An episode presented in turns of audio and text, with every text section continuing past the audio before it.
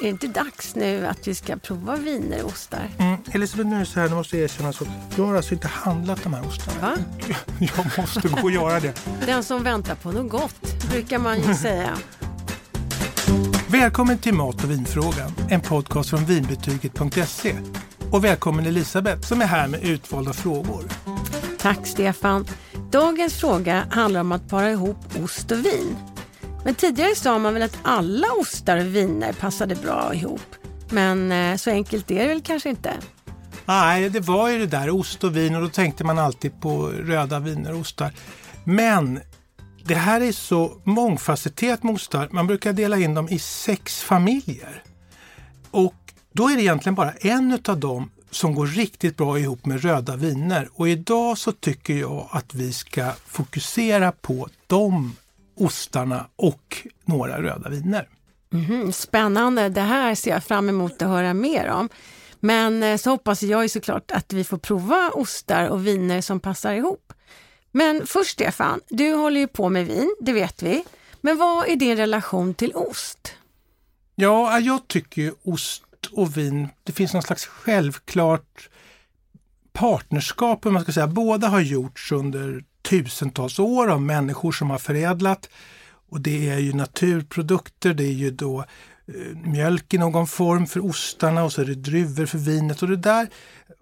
Ja, det, det finns något självklart i ost och vin och jag tycker att det är så härligt. Båda är ju väldigt enkla att servera. De är ju färdiga, vi behöver inte göra någonting egentligen. Kanske hitta rätt ost och rätt vin tillsammans och det ska vi försöka göra idag. Ehm, så det tycker jag är fantastiskt. Men du, eh, du har ju ofta middagar. Hur brukar du själv göra när det kommer till ost och vin som du ska bjuda på? Mm. Om, alltså, om vi har gäster då tror jag inte vi brukar servera ost sådär till efterrätt. Det är mer om vi själva. Så har man druckit vin till middagen och så fortsätter man med samma vin och tar fram en ost.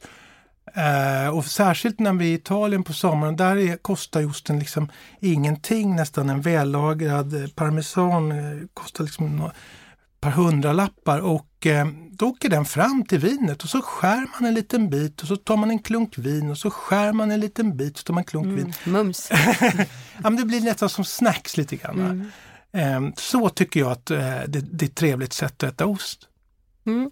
Du, vi hade ju ett avsnitt här där vi pratade om att para ihop och matcha mat och vin. Och då berättade du om några smakkrockar där maträtten och vinet helt enkelt inte gick ihop. Men har du några liknande ost och eh, vinupplevelser du vill berätta om? Jag har faktiskt det. Lite genant kanske. Det här är i och för sig ganska många år sedan så det kanske ursäktar att jag har lärt mig lite mer sedan dess. Jag hade köpt en flaska italienskt vin från Toscana som är ganska så, ja, kostar en slant. Det heter Vino Nobile di Montepulciano. Alltså det är inte att förväxla med, med vinerna från Montepulciano på, på andra kusten utan det här är Toscana-vin. Och det hade jag eh, i, eh, i en påse och gick och handlade mat därefter och sen så gick jag förbi en ostdisk och så såg jag en sån här krämig, kladdig, härlig gorgonzola. Mm. Sådär var lite insprängt, var det nu är, lite grågrönt sådär. Ja, den där blir god. Och så tog jag den och sen så var det dags att äta den till vinet. Det här fina italienska vinet. Och det gick absolut inte. Varför då? Nej, det blir som, det, det, det skär sig i munnen. Det är två olika världar som inte går ihop. Mm. Och eh, du vet, då testar man att ta lite vatten och lite bröd och så tar man en ostbit och så tar man lite, en klunk vin och det går inte då heller. Mm. Och det blir bara värre och värre. och jag trodde nästan det var fel på vinet. Men det var ju min matchning som var nattmössa, fullständig nattmössa. Och då började jag fundera på, okej, okay, hur ska man fundera? Mm. Och ju mer jag frågade desto större och brokigare blev det här området. Mm. Eh, det var inte alls att det fanns några enkla quick fix här. Utan, Som alltid. Eh, nej.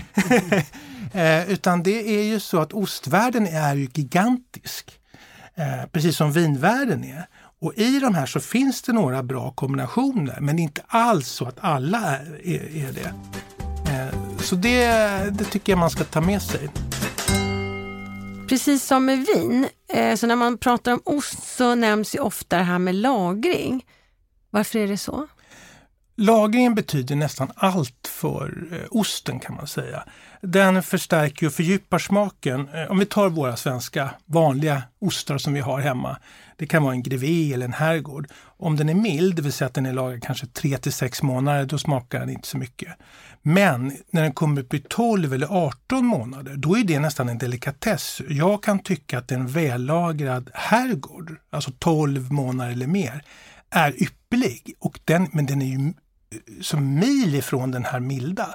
Den, är, den har en mm. otrolig styrka och eh, den dessutom tycker jag funkar bra. Skulle jag inte ha någon ost hemma till vinet, då mm. kan det, en sån åka fram. Mm. Eh, så man ska, eh, om man vill ha en mätare på om man, det beror, vad man nu föredrar för styrka på sin ost så är ju antalet månader är en, en slags eh, signal, en skala på hur, styrkan också. Och det brukar vara så att ostar som är eh, lite mörkgula i färgen, de är mer vällagrade. Så man står inför en ostbricka mm. och kanske vill undvika de här jättelagrade, eller tvärtom vill ha, då kan man gå lite på den mörkare gula färgen. Mm. Men det där med marmelad, vid ostdisken så finns det ofta de här fina burkarna med fikonmarmelad och annat. Ja, jag vet, man ser dem där och de ser sådär trevliga ut och lite delikatessaktiga. De marmeladerna vill jag inte att vi pratar om eller smakar på idag för att mm -hmm. de mhm. passar inte till hårdostar. Mm -hmm. De är till, snarare till grönmögelostar som vi inte ska prova idag. Vi kommer in på de här familjerna. Så vi hoppar, kommer hoppa över marmeladen idag, hur goda de här burkarna än ser ut. Finns det någonting annat som man ska tänka på då, när det handlar om vin och ost? Ja, vi, jag tror vi nämnde det i ett annat avsnitt när vi pratade om eh, att matcha smaker. Mm. Så är det så märkligt att vindruvor och vin går inte ihop. Det skär sig trots att då, druvan är ju då råvaran till vinet. Mm. Man kan ju tycka att det är ju samma familj. Mm. Men det är två syror som inte trivs ihop. Så de kan man plocka bort och eh, det ser kanske trevligt ut. Och då sa vi ju sist också att det ser ännu trevligare ut med blommor. Så göm dem, hoppa över dem där. Mm, finns det någonting mer som vi kanske bara kan hoppa över idag också? Ja, ja, det finns ju någonting också som känns som att det var mera förr med ostbrickor så fanns det små salta kex. Mm, och, ihåg. Ja, mm. och de där kexen kanske är goda i sig, men de kan förstärka Osten har ju sälta ofta, de här ostarna vi pratar om, de här hårdostarna. Och då behöver man inte de där kexen. Det är snarare så att man ska ha ett neutralt bröd som lite grann blir en paus mot de här starka smakerna. Och sen så vet inte, men jag tycker det med kex är lite speciellt. Det är en massa palmolja och snusk, är det inte det? Är det, är det, är det, är det ja. bra med kex? Är det? Jag brukar baka själv. Ja, men det är ju en annan sak. Mm. Du står väl och gör det där liksom naturellt kan jag tänka mig. Fröknäcke. Ja. Mm. Men ska vi inte ha något bröd alls då till den här provningen idag? Mm. Jo, men jag tror att vi kör lite vanligt hårt bröd, alltså knäckebröd klassiskt. Eh, och det tycker jag är, om jag, jag har försökt läsa på om knäckebröd eh, och förstå, och jag är lika fascinerad, det har hur lång hållbarhet som helst. Inga som helst eh, tillsatser överhuvudtaget. Det är bara råg som är kanske det bästa eh, sädeslaget. Eh, och, och, lite vatten och någonting. Så det är ju en, en rätt härlig produkt. Och då har man tre ganska rena smaker, en trio här. Vinet, och så har vi osten och så har vi det här knäckebrödet. Så tror jag det blir. Mm. Det blir inte torrt med knäckebröd? Ja, alltså, fast osten är ju inte knastertorr. Den är ju lite, och vinet är ju vått, mm. tycker jag i alla fall. Mm, det kan jag hålla med Är det någonting mer? Ja, men det är det här vanliga som vi tjatar om, det här med temperaturer. Vi pratar om temperatur på vin och så idag kan vi även prata om temperatur på ost. Att ta fram osten kanske en halvtimme, trekvart, ja, trekvart innan. Och då, kommer, då, då, då får det, smakerna en chans att inte döljas av kylan. Så det, det är en eh, standardgrej man ska göra tycker jag. Mm.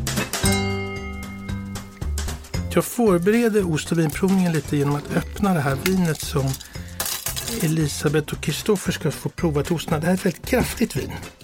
Så det behöver luft. Nu gör jag det här i god tid. Hoppas att de inte tycker att det är för kraftigt. Sådär. Nu gör jag min lilla vanliga luftning. Jag häller upp i glasen. Så får det stå så här par timmar innan. Så blir det lite nyansrikare och lite mjukare. Det är ett trick som jag tycker man ska ta med sig och köra hemma. Och så kan man om man vill köra en liten sån här man luftar det genom att rotera glaset när det står mot bordsskivan. Så man spiller inte utan allt vin stannar då kvar i glaset. Men Stefan, hur var det med de här sex ostfamiljerna du pratade om i början av programmet? Mm. Ja, det, är så här, det finns ju hur många kända och okända ostar som helst. Och därför så, för att få någon ordning på det här så sorterar man dem i eh, familjer kan man säga, lite hur de framställs. Det är inte helt konsekvent gjort, men man brukar tala om färskostar, getostar, vitmögelostar, grönmögelostar, kittostar och hårdostar. Mm. Men jag skulle gärna vilja höra lite mer om de här familjerna. Mm.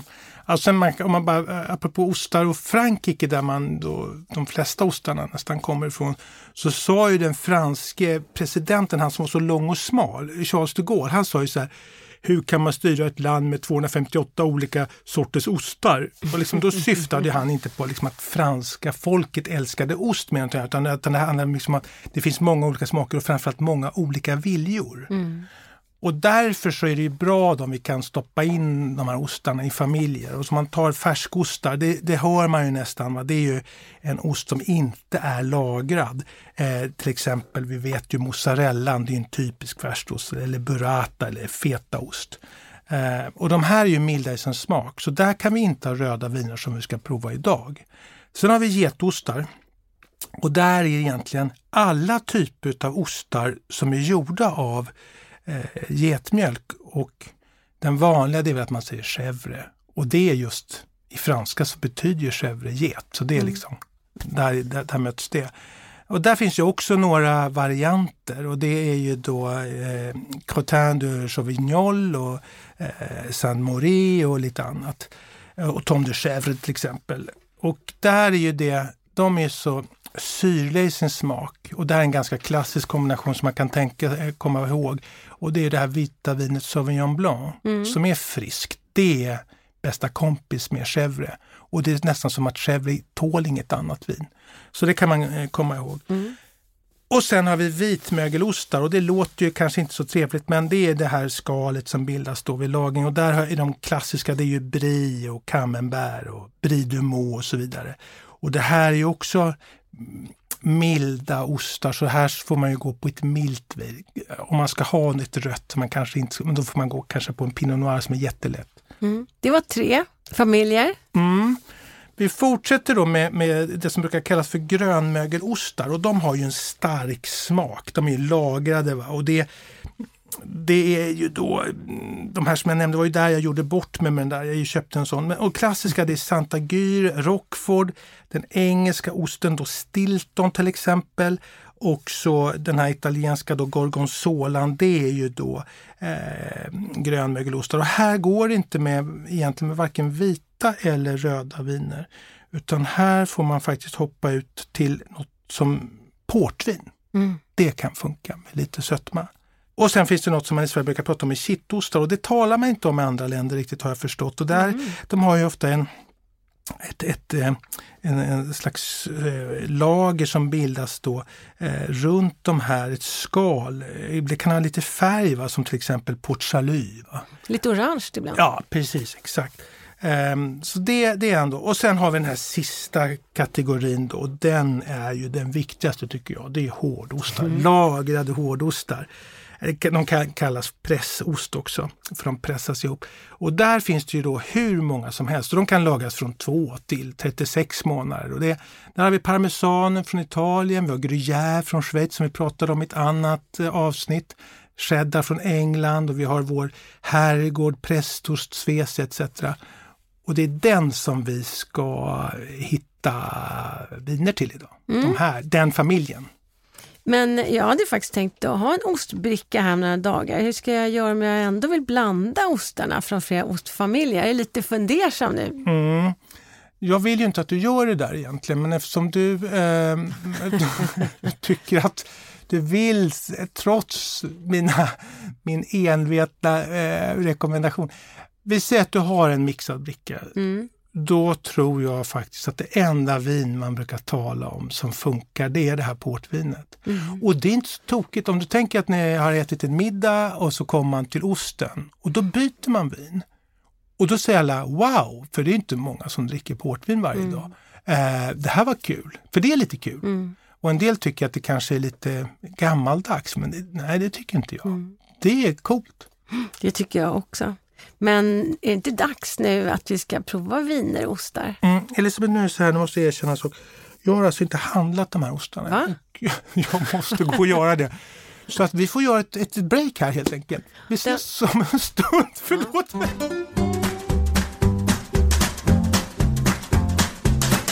Mm, nu är jag alltså på väg ner till legendariska Östermalmshallen. Det är ett riktigt mattempel. Och jag måste hitta ostar till provningen. Och då vet jag att Anders Trånge på ostbutiken Tysta Marie, han är mycket kunnig och alltså Tysta Marie är en speciell restaurang, den har funnits sedan 1800-talet. Och Anders Trånge har nog nästan jobbat lika länge där. Ja, den här nyrenoverade Östermalmshallen är ju speciell. Man har lyckats, det är både ris och ros tycker jag, man har lyckats bygga bort eh, eh mycket av skärmen eh, eh, när man har renoverat. Vad man inte har renoverat bort det är de här extremt höga priserna. De är väl bevarade. Det är som handlarna säger det. Det ska kosta här. Hej Anders! Kul att få komma till Tysta Marie. Välkommen och kul att du vänder dig till oss. Eh, jag har varit här några år så det ska bli spännande. Hur många år då? Började 15 juni 1981. Ah, det är länge. Men du Anders, 39 år. Ostar, hur länge har det funnits med i den världen? Sen, sen första början. För att um, jag började som en sommararbetare i vår eh, ostbutik. Skulle egentligen börja plugga, ja. men blev liksom kvar. Men du, hur, eh, om du skulle välja en favoritost ihop med ett vin, en kombination som du personligen tycker är optimal. Ett rött vin då helst. Nu är vi på det röda och ja. då, då ser jag direkt en Comté, en, mm. en vällagrad Comté. Mm. Och till den skulle jag dricka en, en bra Pinot Noir. Mm. Fungerar också bra med champagne. Just det. Ja, det är den bästa. Men du, om du ser ett olyckligt äktenskap mellan en ost och ett vin då? En smakkrock, vad har vi där? Nej, men det olyckliga äktenskapen, det tycker jag är en klassisk ostbricka med typ fyra sorts ost. Det tycker jag är förskräckligt. Mm. Du, om, jag, om vi säger så här, ser du någon osttrend? Ja, absolut, i högsta grad. Mm. Hårdost, alltså det började ju då, ska man säga, 20 år sedan någonstans. Och sen kom kommittén in i bilden för oss, mm. någonstans 20 år sedan. Jag var på en cykelresa i Frankrike och upptäckte att wow, Comté är ju gigantiskt. Mm. Och i den vevan så bestämde jag mig för att vi ska bli jättestora på Comté. Mm. Så då sa jag till personalen att varje kund som kommer till butiken och köper lite ost ska ha med sig en bit Comté. Bra, ja. Och det gäller allt i alla lägen. Ja. Är det jul, vi ska inte ha röda fula damerostar, vi ska ha comté. Okej, okay, det är bra. Och sen så har det där fortsatt, så nu har vi lite svenska bra hårdostar också. Mm. Icke mm. att förglömma, alltså, mm. som då kommer från Almnäs bruk. Just det. Och då är det Vrångebäck och Almnäs Tegel som är två fantastiska ostar. Mm. Mm. Sveriges äldsta ostvarumärke är faktiskt Vrångebäck. Det är från ja. 1889. Ja.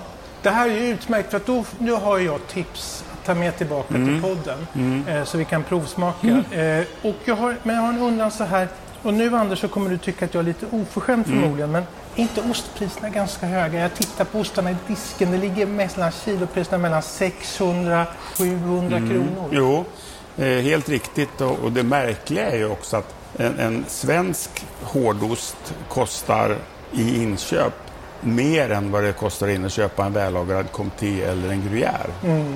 Men är det så, så att då skulle man kunna säga att man eh, unnar sig något väldigt märkvärdigt hantverk om man tar den svenska osten? Det är ju verkligen ett hantverk. Mm. Eh, men det är ju även eh, gruyèreosten och comtéosten och icke minst beauforten, den, den har vi inte nämnt Nej. än. Den är ju på toppen så att säga av de här. Men eh, osten har ju funnits då i hundratals, kanske tusentals år vissa sorter. Händer det att eh, ostdisken ser den likadan ut över åren eller kan det komma en nyhet nästan varje år? Nej, jag tycker inte det. Som, det, det senaste är väl det.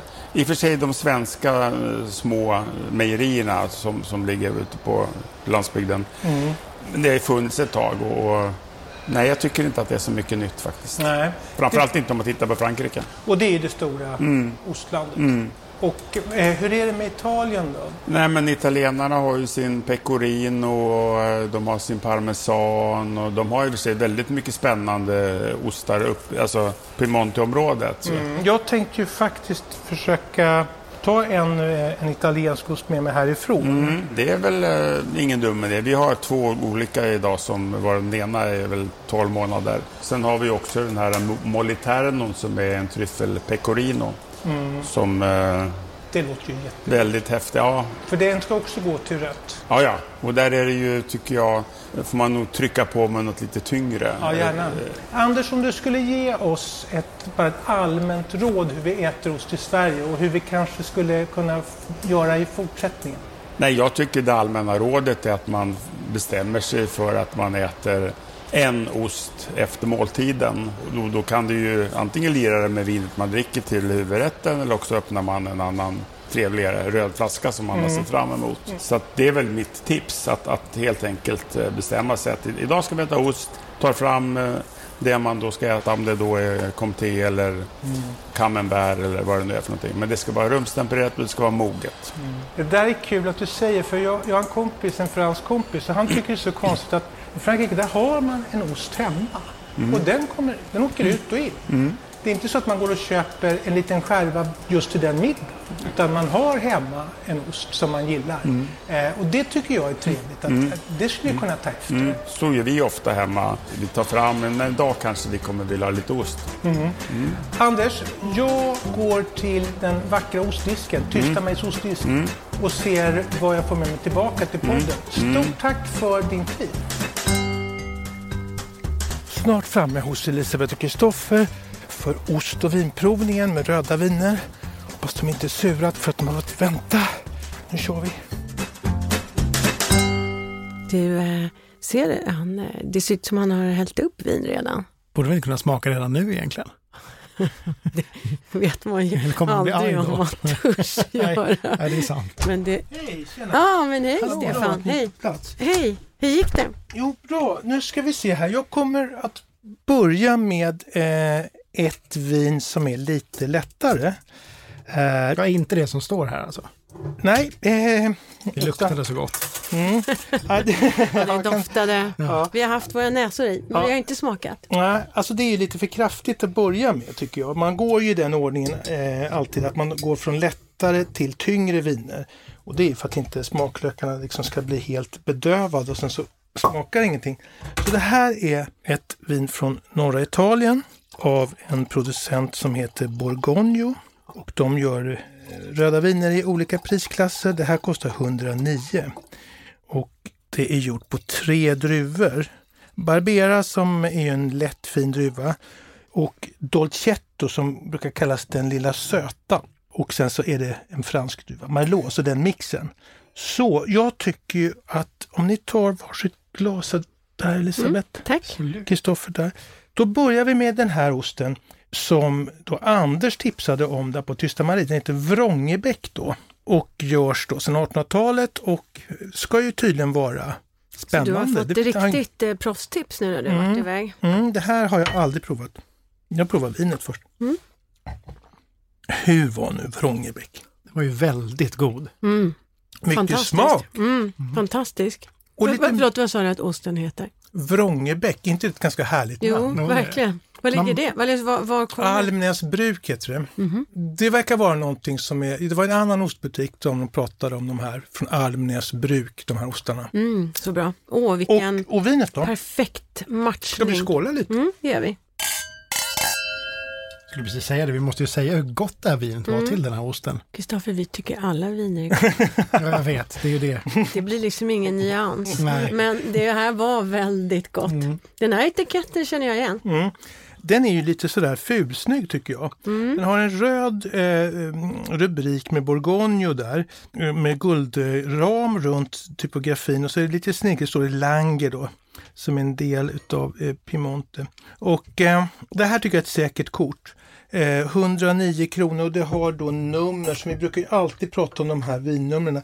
70 384 kan man komma ihåg. Och Vrångeby heter den det. Så Vrångebäck. man kan köpa hela Vrångebäck. Köpa hela kittet. Ja. Mm. Gud vad gott. Gott kittet. Ja, men det är alltid trevligt att komma med med en Vrångebäck liksom.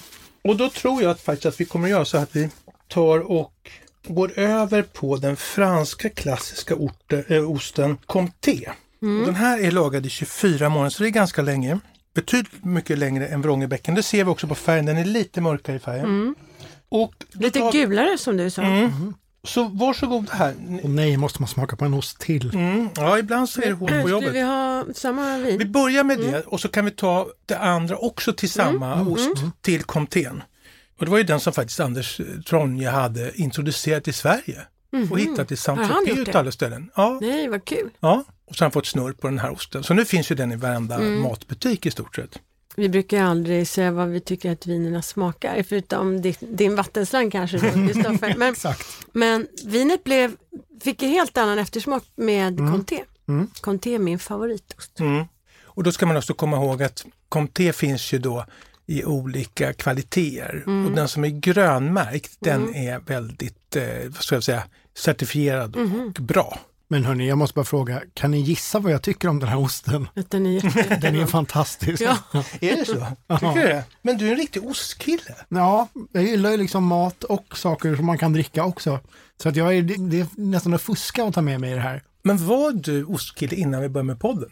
Eller har vi fostrat dig? Ja, ni fostrar mig bra, till exempel som att det doftar väldigt gott, det luktar ju inte gott det här vinet. Så jag lär mig sakta men säkert. faktiskt. Men, men jag det? ska däremot säga att den sista, den har jag faktiskt smakat innan och det är en fantastisk ost. Den, så, så bevandrad är jag. Och vad är det då för ost? Det är en tryffel pecorino. Ska vi, vi, ni får göra precis, det här är inte så strängt. Vinbetyget är inte strängt, vi vill förenkla. Om vi tar det här lite lättare eh, röda vin som vi har i glasen nu, även till tryffelpecorinon. Och så går vi över på det tyngre vinet som vi ska babbla lite om också innan. Men så ni testar skillnaden där då, om det här vinet klarar sig till denna ganska maffiga lagrade pecorino som är gjort på fårmjölk då. Så det är en annan typ, det andra är ko. Varsågoda och prova pecorinon. Här är mer tryffel än ost. Du hittade den biten där, Ja, som en ja. liten skatt. Mm. Oj, Jag kan oj, dra lite priser här bara. Vrångebäcken då, de här eh, svenska ostmakarna, de är, har ju Oj, rätt att ta vad mycket betalt. den smakar. Mm. Oj, Ja, och då tar du det kralliga vinet och nu går vi över på, Elisabeth har tagit den starka Oj. osten och tar nu det kraftiga vinet. jag tar inte det svaga vinet. Nej, nu tar jag kraftiga tycker jag för att då Det är händer så någonting. Då blir det kanske en liten, Ja, det är nästan så det bränns på tungan. Ja, det gör det faktiskt. ja, och så tar vi det där får vi se om, hur det går. Det är som en explosion. ja men gud vad gott. Ja. Och jag måste också testa. Mm. Det här var det vinet som, som stod här och luftade Ja, medan just du det. väckte. det precis. Mm. Och det heter Chateau Bouscassé och det har man ju att det är från Frankrike. Det är från södra Frankrike, en region där man inte, som inte är helt sådär, de märkvärdiga regionerna det är ju Bour- Bourgogne och Bordeaux. Eh, men det här är, är södra Frankrike och eh, det görs av en druva eh, som heter Tanat. Och det är kralliga viner. Och det här blir otroligt hyllat. Det är en, en vinmakare som heter Alain Brumont som har gett sig fasen på att han ska lyckas med de här vinerna. Från södra Frankrike med Tanatdruvan och han har gjort det. Och det här kostar 159 kronor så det är ganska så, så eh, det är en prislapp ändå som man känner av. Men det är ju jättehärligt i sin kraft och jag tycker väl kanske att man har en en viltgryta kanske eller att man har en Tryffel pecorino. Nå, kanske en tryffel, pecorino, tack Kristoffer, så funkar det utmärkt. Eh, och det, det här är ju så pass kraftigt så att jag tyckte att det skulle få lite luft innan ni smakade. Så det Men har stått ett par varför luftade du inte det vi provade först? För att det har inte alls samma tyngd och strävhet, det behöver inte det riktigt. Mm. Det här är ganska drickfärdigt. Alltså Bourgogne Lange Rosso som det här heter, det första, Mm. det tycker jag, det är ett sånt här vin som är jättebra hemma. Det funkar till pasta ost, till pizza och till det mesta. Men det här, jag kan berätta en historia. Eh, alltså, min syster hade gjort på juldagen en middag, alltså en rådjursstek och så var det en god viltsås som man gör, en sån här med alla saker som man ska ha, en rund härlig viltsås. Och så hade jag gjort hasselbackspotatis och så hade min bror ett eh, bourgognevin va, som en pinot noir och det var ju ljust i färgen och mesigt som fasen va, till det här kraftiga härliga maträtten. Det var gelé och allt möjligt. Och då sa jag, "Kan jag med några viner här, eh, en Chateau Boscasé, eh, får vi prova det? Eh, ja, ja, sa alla då runt bordet så här. Och då så såg man bara i färgen, det här är ju nästan svart det här vinet. Och så sa alla bara wow, det här var gott eh, till just den här typen av mat som Just då det. lindar in. Sen så hade min stackars bror gått och köpt det här då och serverat till kyckling eller sånt där. Och då var ju det alldeles för strävt. Så man ska veta att det kräver mat som också eh, står emot lite grann. Du brukar ju säga att man ska välja vinet först och maten sen. Mm. Men nu håller jag på att blanda de här två vinerna för Ja. att se Ja, men man testar lite här medan du pratar. Nu, jag testar en pecorino också. Mm. Utan tryffel blir De mindre. där är, det är ju, det är nog min absoluta favoritost, men vi brukar äta den där med, vi hyvlar den med en osthyvel. Mm. Så att det inte blir lika mycket, att man inte skär den i kuber. Men Fegis. visst är, det, visst är det mycket smak på den här som ni säger. Det Jag tycker den är det var en fantastisk. knockout. Så om vi kan säga till lyssnarna då, att man går till sig själv och så säger man så här, hur starka ostar gillar jag? Och i en vettig ostbutik, då får man ju smaka. Då har man ingen vin kanske där, men men man kan ändå fantisera. Kan man gå på Vrångebäck som är lite rund och härlig, lite mjukare. Sen har vi då Comté som är lite hårdare och lite starkare ytterligare. Och sen har vi då den här smakbomben, pecorino, som är gjord på fårost. Och den är ju, när man serverar ost så ska man alltid försöka gå från lättare till starkare. För annars, hade vi börjat med den här pecorino då hade ju Vrångebäcken inte haft en, någonting liksom att komma med. Och den tyckte ni ändå var rätt härligt till att börja med. Men om jag ändå vill ha den här ostbrickan nu på lördag som jag hade planerat, då är det egentligen att göra det med stegvis då. Att ha tre olika men att man kanske då guidar mer, att du börjar med det här, sen den, sen den. Då kan man ha en ostbricka.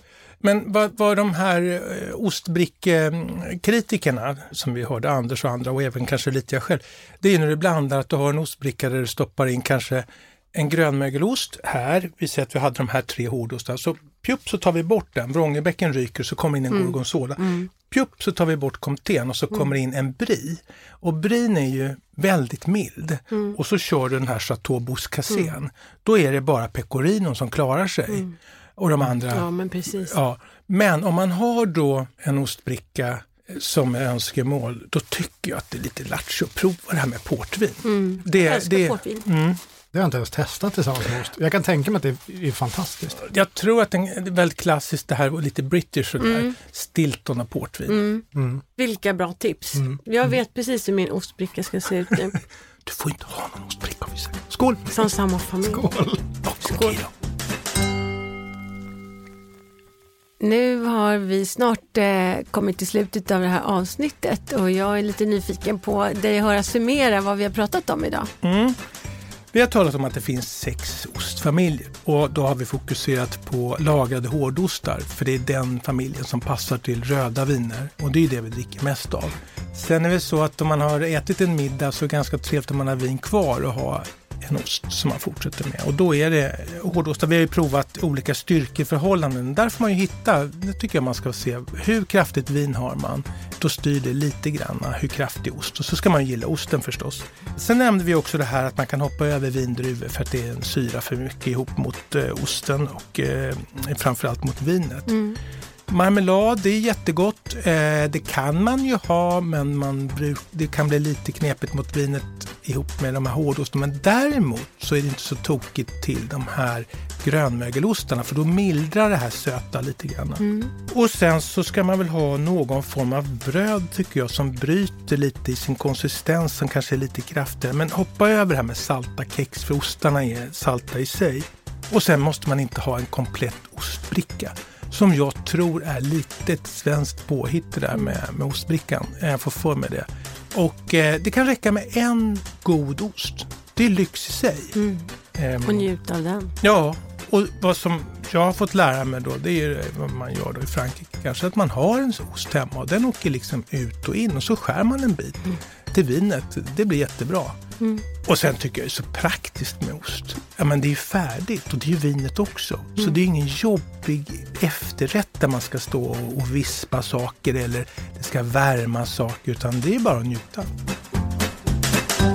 Tack Stefan och eh, tack till dig som har lyssnat på det här avsnittet. Vi hörs snart igen. Tack Elisabeth och tack Stoffer och tack alla som har lyssnat. Som vanligt så finns vinerna på vinbetyget och eh, lite mer information om avsnittet. Har du frågor om mat och vin? Alla frågor är välkomna. Maila till mig på stefanvinbetyget.se